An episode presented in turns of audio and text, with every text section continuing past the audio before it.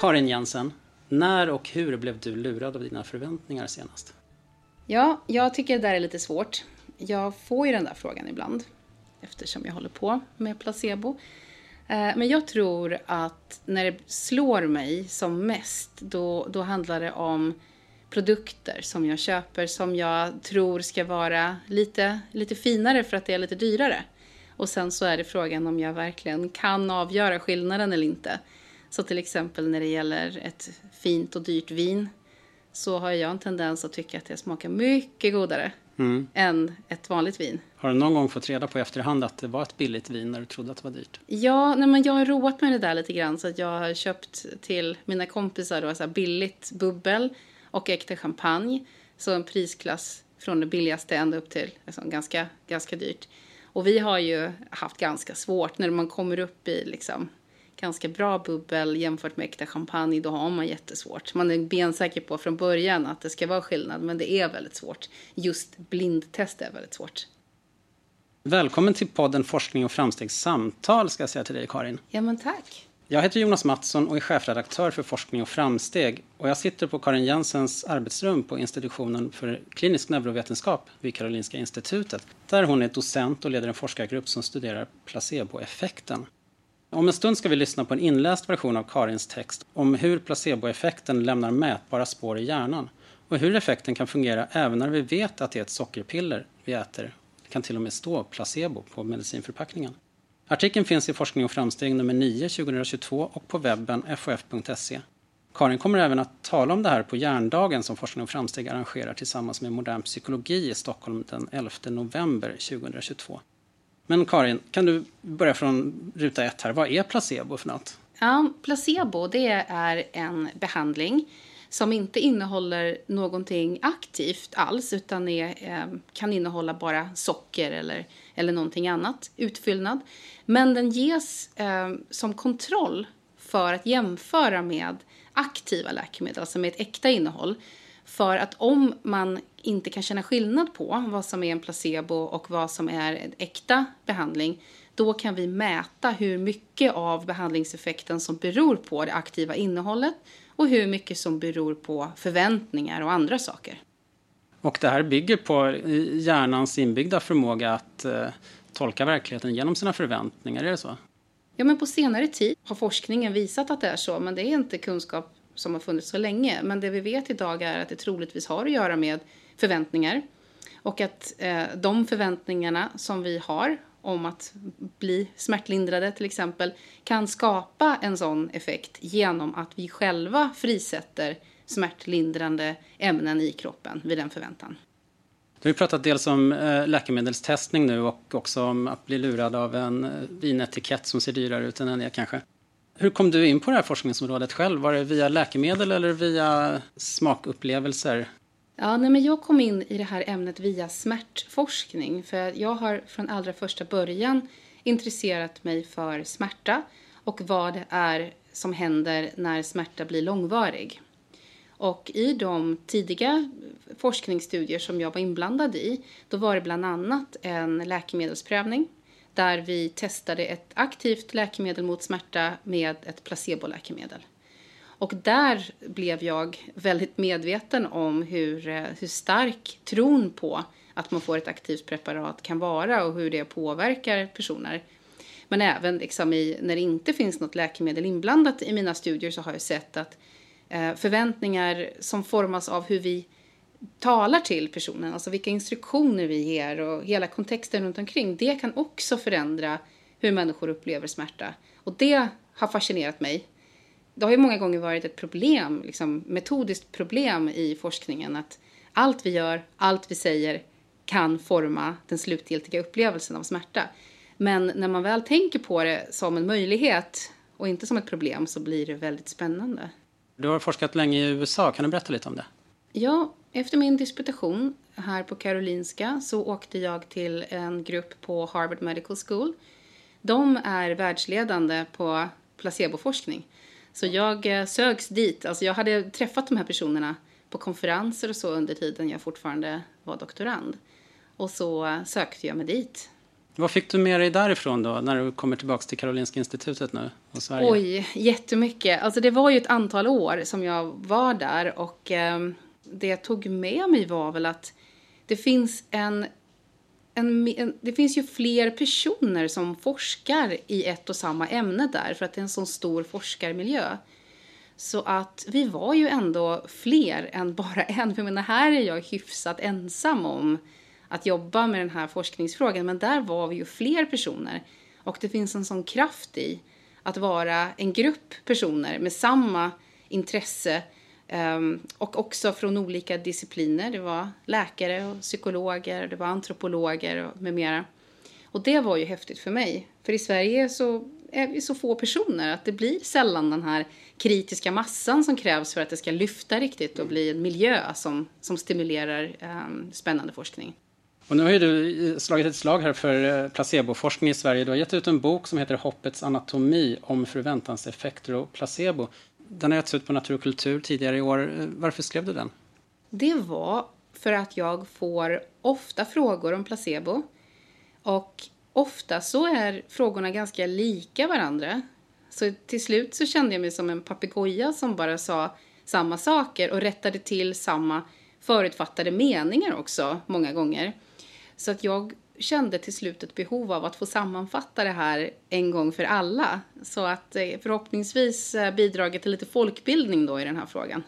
Ska vi se om jag lyckas upprepa några av de här frågorna då. Men kan du berätta lite, det är kanske är en fråga du brukar få, men hur, hur forskar man på det här rent praktiskt?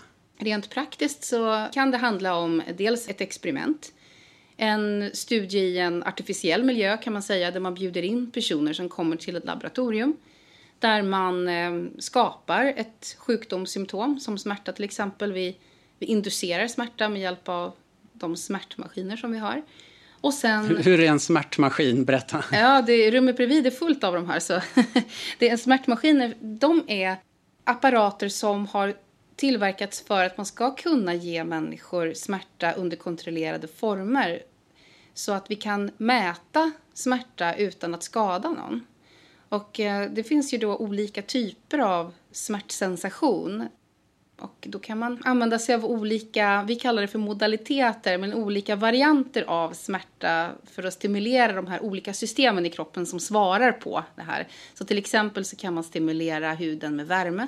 Då aktiveras en viss typ av eh, receptorer som skapar en viss typ av smärta och så kan man använda tryck, elektricitet eller olika saker. Men målet är ju att det ska skapa en smärtupplevelse hos personen som vi, eh, som vi testar på. Ja, och hur undersöker du placeboeffekten genom de här smärtapparaterna? Ja, så om vi tänker oss samma laboratorium då. Om man har en person som upplever smärta så kan man eh, under vissa stunder behandla den smärtan och under andra stunder eh, inte behandla. Och då kanske man erbjuder en smärtlindring som personen tror är ett aktivt smärtlindrande preparat men i själva verket så är det bara en placebo. Och det kan handla om en kräm det är kanske bara en vanlig hudkräm, kanske inte innehåller någon smärtlindring alls, men vi säger att det gör det. Eller så kan det handla om eh, att vi låtsas att vi har en TENS-apparat. Det är en sån här smärtlindrande elektrisk stimulering. Och eh, i själva verket så sätter vi aldrig på maskinen utan vi låter den bara lysa. Så det är lite olika sätt som man kan egentligen luras på och att få personer att tro att de erbjuds smärtlindring i det här experimentet fast de inte gör det. Och sen så mäter vi hur smärtsensationen förändras då över tid. Och det är det vi kallar för beteendeexperiment. Men sen är jag väldigt eh, inne på det här med hjärnforskning också. Jag är, ju, jag är väl hjärnforskare, ett slitet begrepp, men det, jag, jag mäter hjärnans aktivitet med hjälp av, eh, av hjärnavbildningsteknik. Så det vi gör är i princip samma upplägg som förut. Att man har en smärtmaskin och så erbjuder man en smärtlindring som i själva verket är en placebo. Fast man gör det medan personen ligger i en magnetkamera. Så att vi kan mäta hjärnans aktivitet under de här olika förhållandena. Just det, för att det är en sak att eh, jag ger dig en verkningslös kräm objektivt sett och du tycker att ja, det här nu gjorde det mindre ont. Men det du tittar på det är att man kan se skillnader i smärtcentrum i hjärnan då? Ja, så vi strävar hela tiden efter att göra objektiva mätningar eller objektiva kopplingar till det som människor upplever subjektivt så att säga. För det är ganska vanligt med studier som mäter den subjektiva förändringen, alltså att patienter rapporterar att de blir bättre. Det vi vet mindre om, det är ju det som händer om man lyfter upp motorhuven och tittar inuti. Hur funkar det här egentligen? Vad är det för mekanism som driver på den här subjektiva upplevelsen? Placebo, det är väl bara ett exempel på hur hjärnan skapar en verklighet eh, utifrån sina förväntningar. Eh, möjligtvis spetsade med lite input från sinnena, eller vad säger du? Är det liksom mest förväntan eller är det mest sinnesintryck som skapar vår verklighet? Ja, du menar, är vi liksom egentligen mest offer för våra förväntningar i hur vi upplever världen eller är vi faktiskt också mottagare av direkt objektiva signaler som når hjärnan. Ja, ja precis. Hur ser mm. den här balansen ut? För placebo är väl någons, något spel mellan vad hjärnan förväntar sig att uppleva och vad som faktiskt händer i omvärlden. Ja, och där brukar jag säga så här att till en viss grad så är det våra förväntningar som styr hur vi upplever omvärlden. Och det är verkligen till en viss grad. För det är inte alla typer av förnimmelser som lämpar sig så bra att förändra. Men det som vi ser är möjligt att förändra med hjälp av förväntningar är sjukdomssymptom som är typiskt subjektiva, som står under direkt styrning av hjärnans processer.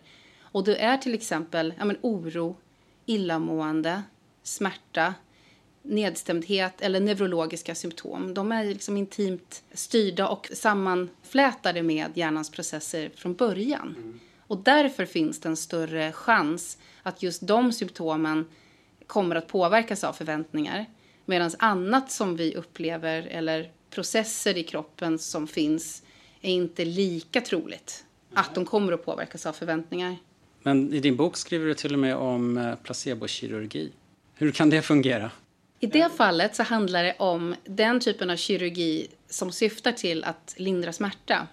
För det finns en hel del kirurgi som, som man gör för att personer har ont. Till exempel steloperationer för att minska smärta från ryggen. Och i de fallen, där finns det eh, jag skulle säga att det är ett 50-tal studier totalt sett i världen som har prövat äkta kirurgi mot placebokirurgi. Och där finns det förväntanseffekter, alltså placeboeffekt men de två kategorier som har varit allra vanligast om man tittar på de här 50 studierna då, då är det smärtlindrande kirurgi och det är eh, kirurgi som syftar till att minska övervikt. Alltså att om man tror att man har fått en förminskning av magsäcken så är det större chans att man går ner i vikt trots att det bara var placebo. Ja, och eh, du berättar också om, eh, som inte är kirurgi, men städare på ett hotell när de får jämföra sin städning med att gå till gymmet. Eh, och då kan man säga att de som såg på städningen som fysisk träning, de blev mer vältränade än de som inte såg på det som fysisk träning. De gör samma jobb. Hur kan mm. det hänga ihop? Ja, men just den studien tycker jag är intressant och lite klurig för att jag menar samma fysiska aktivitet, alltså städa hotellrum, fast med två olika förväntningar. I ena fallet tänker man att det kanske är ett slitjobb och i det andra fallet att det är nyttig fysisk aktivitet. Det är, det är osannolikt att den tanken i sig skulle skapa den här skillnaden i blodtryck till exempel, eller BMI eller de olika måtten som man, som man hade. Utan det måste ju finnas en medierande effekt däremellan, en slags mekanism som står för eller förklarar att de som tänkte på det som träning faktiskt fick en effekt. De, de kanske, alltså jag, jag spekulerar nu då, men de kanske arbetade med större frenesi liksom och lite mer eh, aerobisk impact i sina rörelser om de tänkte på jobbet som träning och därmed fick de en, en annan effekt av träningen. Går man in med, med ett mindset att det är ett träningspass snarare än att det är något slitgöra så... Precis, det måste ha skett någonting däremellan för tanken i sig kan sannolikt inte sänka BMI och blodtryck så på det sättet utan det har skett någonting. Men som, har varit, som är svårt att fånga för det kan vara på sån omedveten nivå som man går med lite extra tryck i steget liksom om man tror att man är på ett träningspass snarare än att eh, slita för sin arbetsgivare. Placebo, är det att luras? Det beror på hur du definierar placebo. Men i ordet placebo som begrepp så, så, finns det inte någonting som säger att man måste luras. Utan definitionen av placebo är att det ska vara en verkningslös behandling som liknar en eh, aktiv behandling. Men det säger ingenting om att man måste luras, utan det är ju så som den vanligtvis används. För placebo används ju vanligtvis i kliniska prövningar där man vill använda den som en kontroll för det aktiva preparatet. Och då luras man ju för att man säger vi vet inte vilken av de här två varianterna du får. Eh, antingen är det äkta eller så är det placebo. Det tar vi reda på efter att studien är slut. Sen finns det öppen placebo när man faktiskt verkligen inte luras utan jag berättar för dig att eh, du har ont i armbågen, här ska du få smärtstillande. Men vet du vad, det är bara sockerpiller. Det står placebo på förpackningen. Hur kan det fungera? Ja, men det där är ju, alltså det här är så spännande och så eh, svårt tycker jag med öppen placebo och förstå vad det är som händer. Alltså att det dök upp från början, att man började använda det var att det har funnits länge en frustration över att vi ser att det finns placeboeffekter som gynnar patienter i alla möjliga typer av kliniska prövningar. Men på grund av de etiska riktlinjer som vi har inom hälso och sjukvården så kan vi inte använda oss av placebo för att hjälpa. Och då föddes den här idén om att man kanske kan gå runt problemet med etik genom att man säger till personer att det här vet vi att det har hjälpt personer med just din diagnos. För i kliniska prövningar så blir även placebogruppen bättre över tid. Här får du chansen att prova. Vi vet inte om det kommer funka, men vi hoppas det. Ungefär så kan man sammanfatta den instruktion som personerna får innan. Och det i sig verkar vara nog för att personerna ska bli bättre jämfört med att inte ta någonting alls. För det är ju viktigt också att jag tänker att du gör en studie på öppen placebo och eh, alla hundra som kommer in då från början och vill vara med i studien får exakt samma positiva budskap. Placebo brukar hjälpa personer med din diagnos. Här i den här studien ska vi prova. Och sen efter att de har fått den här positiva introduktionen så lottar man vem som ska komma i öppen placebo-gruppen och vem som ska fortsätta att leva normalt utan någon öppen placebo. Och eh, då ser man ändå då att det är stor skillnad mellan de två grupperna. Så de som tar sin placebo duktigt varje dag har bättre resultat än de som fortsätter leva som vanligt. Om man tar en drastisk jämförelse kanske, men om man jämför med alternativmedicin, till och med homeopati, där det är så uppenbart att det är ingen verksam ingrediens. Då är argumentet ibland att ja, det kanske inte finns vetenskap bakom det här, men det har faktiskt hjälpt mig. Hur förhåller sig det till uh, placebo? Och ja. uh, hur etiskt försvarbart är det? Jag tycker att det här med öppen placebo rör sig i en etisk gråzon just på grund av det här. Att i båda fallen, om man nu ska jämföra nu kan, jag ska säga jag kan inte så mycket om homeopati, men jag vet att det egentligen per definition inte finns någonting kvar av den aktiva ingrediensen i det. Så att för argumentationen nu så kan vi anta att det är samma sak som en placebo. Så du har de två. Du vet att i båda fallen så blir patienter bättre. Och eh, frågan är vilken förklaringsmodell man har till varför de blir bättre. Men när det gäller placebo så har vi ganska mycket forskning som visar på vilket sätt förväntningar kan göra att man blir bättre. Man kan frisätta kroppens egna smärthämmande substanser och så vidare. När det gäller homeopati så är ju förklaringsmodellerna i strid med den biomedicinska syn på kroppen som, som vi har inom medicinsk vetenskap och därför så blir den ju svårare att, att smälta liksom. Men e-, egentligen så är det ju bara argumentationen och förklaringsmodellen som skiljer sig åt. För att om man tittar på det krasst så är det ju samma behandling i grund och botten. Men det handlar ju om att man inte vill ställa upp på vilken icke-plausibel förklaringsmodell som möjligt för varför en person blir bättre. Vad ser du i placebospåkulan? Hur kommer vi använda den här kunskapen om placebo som du och andra forskare tar fram idag framöver? Jag ser dels att det här med öppen placebo har börjat att prövas i andra länder än Sverige. Det har inte kommit någon sån studie vad jag känner till i Sverige än. Så det kommer nog att komma som ett sätt att prova placebo och bli omtalat tror jag. Eh, man gör just nu ganska mycket undersökningar för att förstå ifall det finns något unikt med öppen placebo som skiljer sig från placebo när man luras. För det är en viktig kunskap i så fall, alltså rent vad som händer under huven, om man säger, tar den metaforen. Övrigt vad gäller placebo, vad som kommer att hända. Jag tror att vi kommer att få en mer integrerad syn på vad som är placebo och vad som är aktiv behandling. För eh, det är liksom lite grann mitt mål med att folkbilda kring det här. Att man tänker sig kanske att det är svart eller vitt. Antingen är det aktivt läkemedel eller så är det placebo. Men i själva verket så finns ju förväntningar och alla de här mentala processerna delaktiga när en person tar en aktiv behandling också. Så att man kan inte dela upp det på det sättet utan placebo-komponenten är alltid inbakad i att ta en behandling och blir alltså viktig för att förstå effekten av våra aktiva läkemedel. Du, du talar om ett holistiskt perspektiv istället för ett dualistiskt mellan kropp och själ och så, eller? Ja, och mellan liksom, antingen är det en farmakologisk behandling eller så är det placebo. Men jag ser det som att de är ju alltid, alltså placebokomponenten är alltid en del i att ta en behandling. För ingen person tar en behandling i ett vakuum. Utan det finns alltid någonting där. I termer av vad man, ja men det är bara interaktionen med själva kartongen som man tar läkemedlet ur. Liksom. Ja. Vad forskar du om just nu? Just nu så sitter vi och tittar på resultat ifrån den här kirurgiska studien som är placebokontrollerad då. Där hälften fick äkta kirurgi och hälften fick placebokirurgi. Så det håller vi på att analysera och kommer att ha resultat inom kort. Jättespännande. Den enda studien i världen där man har använt sig av objektiva utfallsmått för att titta på effekterna av placebokirurgi.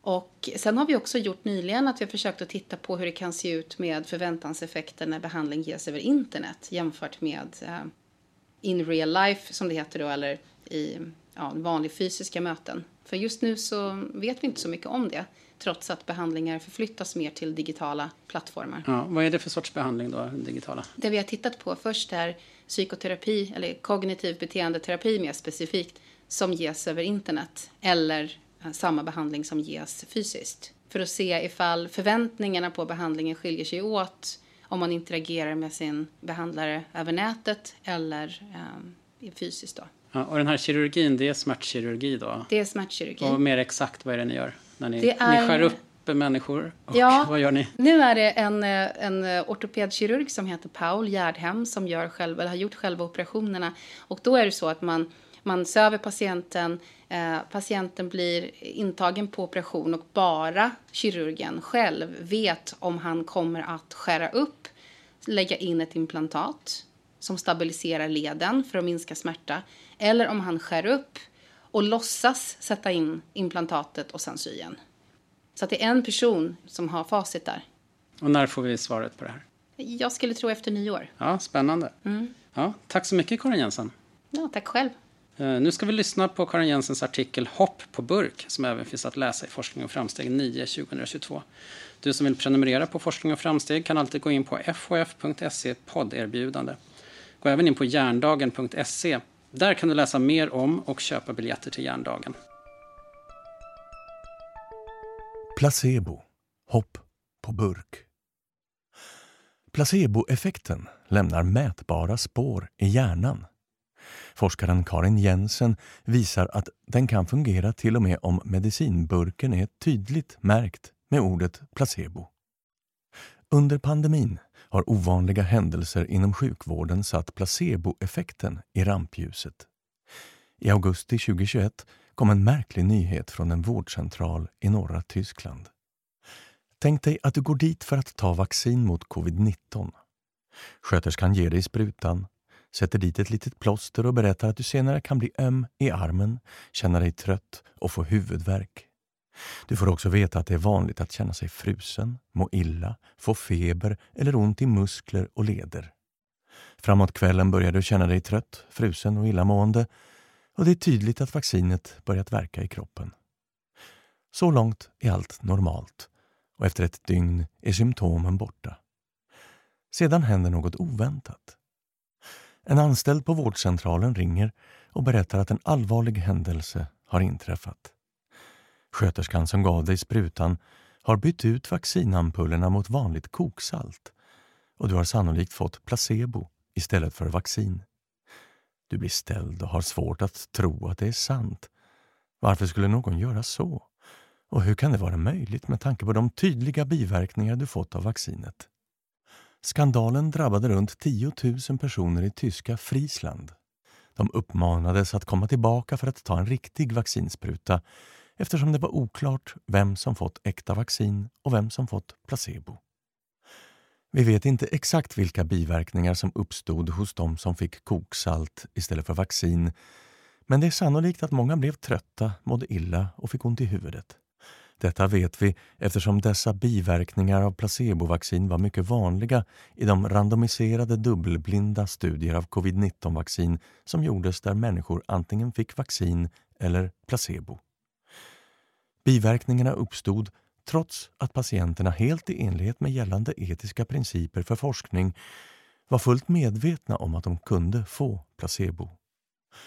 Det ovanliga med händelsen i Friesland är alltså inte att patienterna fick biverkningar av placebosprutan utan att en representant för sjukvården brutit mot regler och lagar genom att injicera placebo istället för äkta vaccin utan patienternas samtycke. De flesta som vaccinerades under den här tiden var äldre eller sköra individer. De kan ha utsatts för fara då de börjat leva sina liv i tron om att de var vaccinerade mot covid-19. Orsaken till att sköterskan bytte ut innehållet i sprutan tros vara vaccinmotstånd, men utredningen om fallet är inte klar.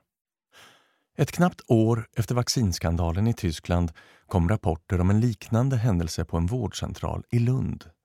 Där visade det sig att någon råkat blanda ihop ampuller med koksalt och vaccin. I Lund uppdagades misstaget snabbt och 298 personer fick komma tillbaka för ytterligare en spruta med förhoppningsvis äkta vaccin. Även i detta fall är det sannolikt att patienter upplevde biverkningar kopplade till vaccinet trots att de fått en injektion med koksalt. Förväntningar kan ha stor betydelse.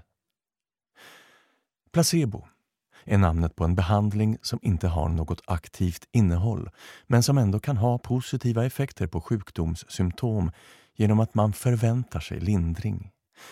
En sådan förbättring kallas placeboeffekt och är skild från den förbättring som sker genom spontan läkning då symptom minskar över tid. Det finns även negativa reaktioner som uppstår på liknande sätt. Då pratar vi om noceboeffekten som innebär en försämring av hälsan, precis som vid biverkningar av placebovaccin. Båda är exempel på förväntanseffekter och kan uppstå genom olika former av inlärning, antingen genom egna erfarenheter eller genom att observera andra. Det finns egentligen ingenting i definitionen av placebo som innebär att man måste vara lurad för att effekten ska uppstå. Men ofta används placebo i så kallade dubbelblinda studier där varken vårdgivare eller patient får veta om en behandling är placebo eller äkta vara förrän studien är slut. Placeboeffekten är ett tydligt exempel på hur mentala processer kan påverka kroppsliga symptom. Studier har påvisat placeboeffekter vid behandling av bland annat neurologiska sjukdomar, smärta, illamående, astma och ångest. Men det finns begränsningar för vilka tillstånd som går att påverka med placebo. Generellt kan man säga att symptom som står under styrning av det centrala nervsystemet går att påverka med placebo eftersom det måste finnas en mekanism för hur våra tankar, det vill säga hjärnans processer, kan samverka med en kroppslig funktion. Det är därmed osannolikt att placeboeffekten skulle kunna påverka läkning av brutna ben eller något annat som inte hjärnans processer reglerar. Detta betyder inte att placeboeffekten bara existerar som ett psykologiskt fenomen. Det finns en rad studier som visar på fysiologiska förändringar i samband med en placeboeffekt. Till exempel frisättning av kroppens egna smärtlindrande ämnen vid förväntan om smärtlindring, så kallade opioider. En av de första rapporterna om objektiva förändringar till följd av placeboeffekten bygger på en studie om Parkinsons sjukdom i Kanada år 2001. Sjukdomen minskar mängden av signalämnet dopamin i hjärnan. De läkemedel som ges syftar till att öka dopaminet. Man visste från tidigare behandlingsstudier att patienter med Parkinsons sjukdom kan uppleva en förbättring av placebo eftersom man jämfört äkta läkemedel med placebo. Dock visste man inte om det gick att mäta en sådan förändring objektivt i form av ökade dopaminnivåer. Patienterna i den kanadensiska placebostudien fick antingen ett snabbverkande läkemedel mot Parkinsons sjukdom, apomorfin, eller placebo. Samtidigt registrerade en så kallad PET-kamera deras hjärnaktivitet. Alla patienter i studien hade tidigare erfarenhet av äkta läkemedel och när de trodde att de fick apomorfin ökade frisättningen av dopamin i hjärnan trots att de bara fick placebo och trots att personer med Parkinsons sjukdom har låg produktion av dopamin i hjärnan.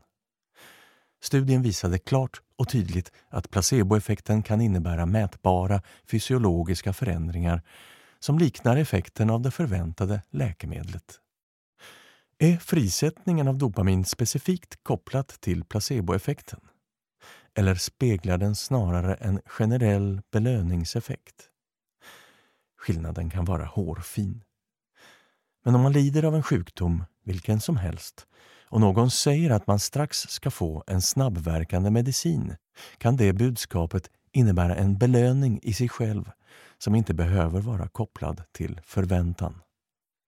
För att reda ut den frågan gjorde forskare i Italien för några år sedan ett experiment där man kunde studera hjärnans funktion vid olika grad av förväntan. På så sätt kunde de kartlägga neurala mekanismer genom placeboeffekten. Forskarna undersökte en grupp patienter som skulle få behandling mot svår Parkinsons sjukdom med så kallad Deep Brain Stimulation. Metoden går ut på att placera elektroder i hjärnan som stimulerar djupt liggande områden med elektrisk ström.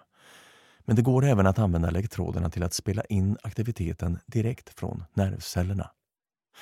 I den här studien skapade man olika grad av förväntan genom farmakologisk inlärning Alltså att kroppen lär sig reagera på en substans genom upprepad exponering.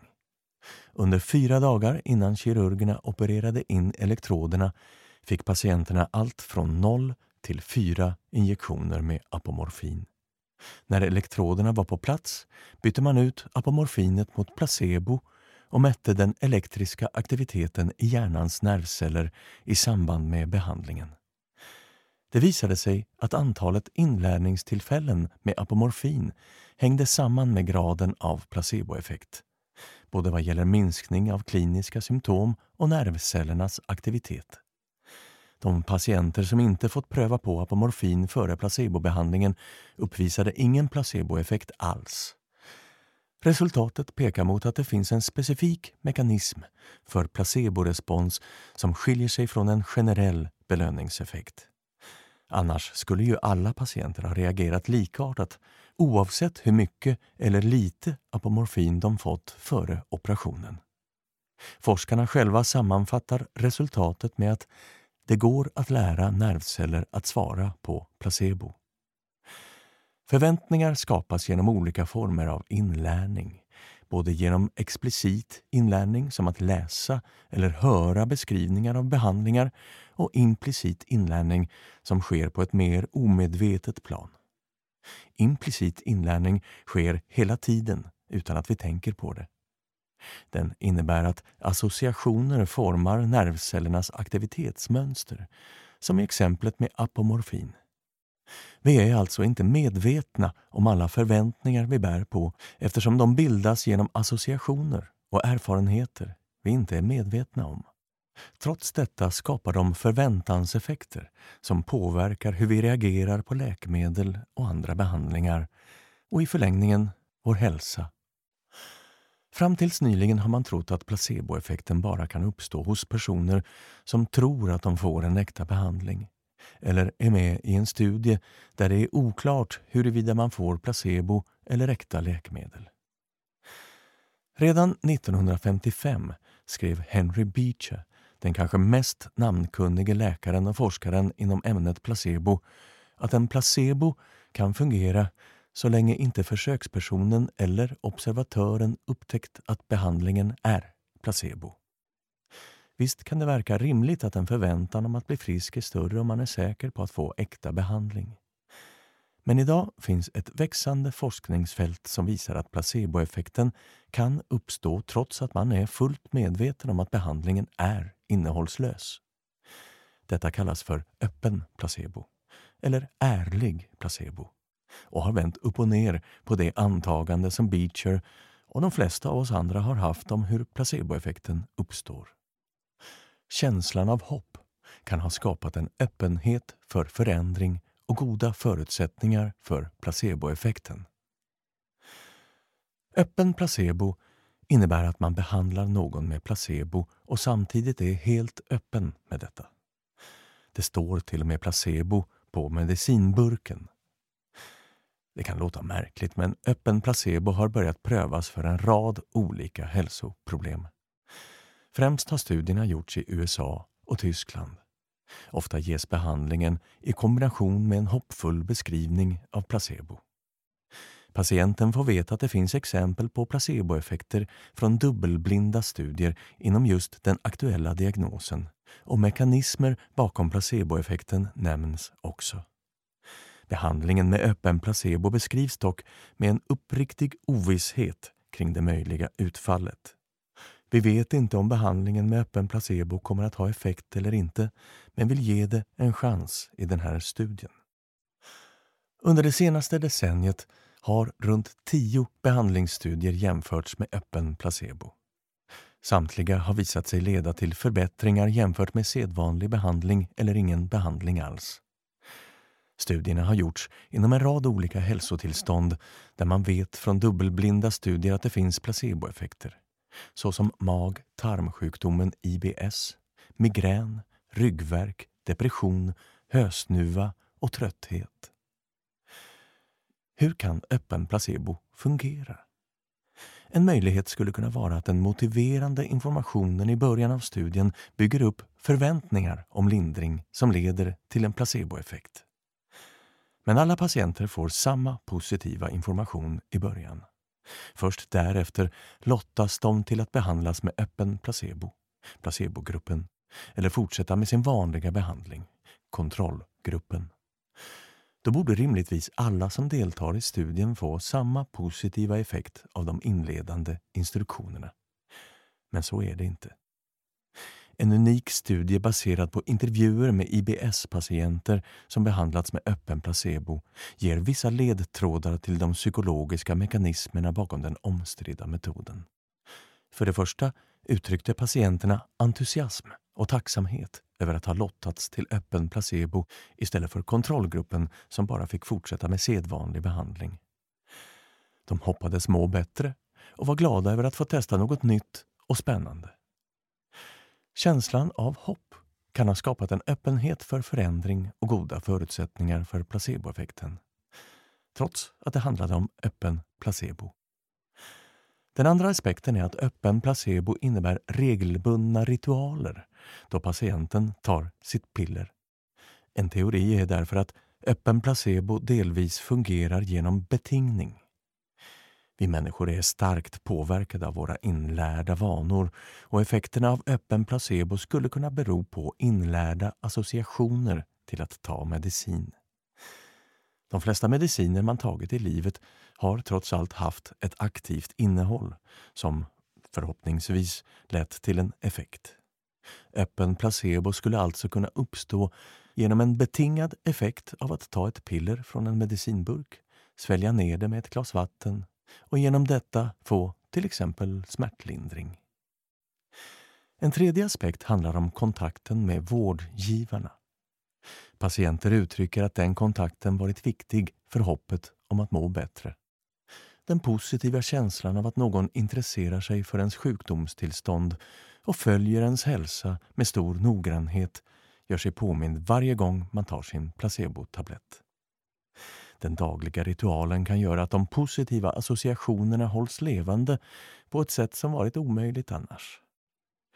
Ett sätt att förstå öppen placebo kan således vara att kalla det hopp på burk eftersom man varje gång man tar pillret blir påmind om vårdgivarens ord och det hopp som förmedlades mellan raderna. En fjärde aspekt handlar om det som patienterna beskriver som ett slags meditation. Det dagliga tagandet av piller blir en minimeditation över de inledande orden om tankens kraft och inverkan på kroppsliga symptom. En proaktiv handling för den egna hälsan. Öppen placebo är ett kontroversiellt ämne eftersom det vänder upp och ner på våra antaganden om hur placeboeffekten fungerar och delvis utmanar neurovetenskapens modeller över hur hjärnan fungerar i samband med förväntningar. Öppen placebo befinner sig i en gråzon när det gäller medicinsk etik men kan komma att efterfrågas mer i takt med att evidensen ökar. Det är förbjudet att använda placebo inom den reguljära sjukvården om behandlingen bygger på att patienten får felaktig information. Dessutom ska patienter få evidensbaserad vård och inte placebopiller. Men vilka etiska hinder kvarstår om placebo är öppen och dessutom uppvisar goda behandlingsresultat i väl genomförda vetenskapliga studier? Redan nu finns förslag om att använda öppen placebo för att hjälpa till med nedtrappning av beroendeframkallande läkemedel. Den här typen av behandlingar kommer sannolikt att skapa diskussioner i framtiden. Du har lyssnat på podden Forskning och framstegs samtal. För att prenumerera på Forskning och framsteg, gå in på fof.se podderbjudande. Inläsningen av artikeln är gjord av Iris Media. Medverkade i samtalet gjorde Karin Jensen vid Karolinska institutet. För ljudteknik, klippning och vignett står Per Dahlhjelm. Jag heter Jonas Mattsson och är chefredaktör för Forskning och framsteg. Jag vill också tipsa om vår andra podd Forskning och framsteg artiklar där du hör ännu fler texter från Forskning och framsteg. Lyssna gärna också på Om vetenskap, en podd från Stiftelsen för strategisk forskning där forskning och framsteg bidrar med vetenskapsnyheter. Glöm inte att också gå in på järndagen.se utan prickar över ä. Där kan du beställa biljetter till järndagen den 11 november.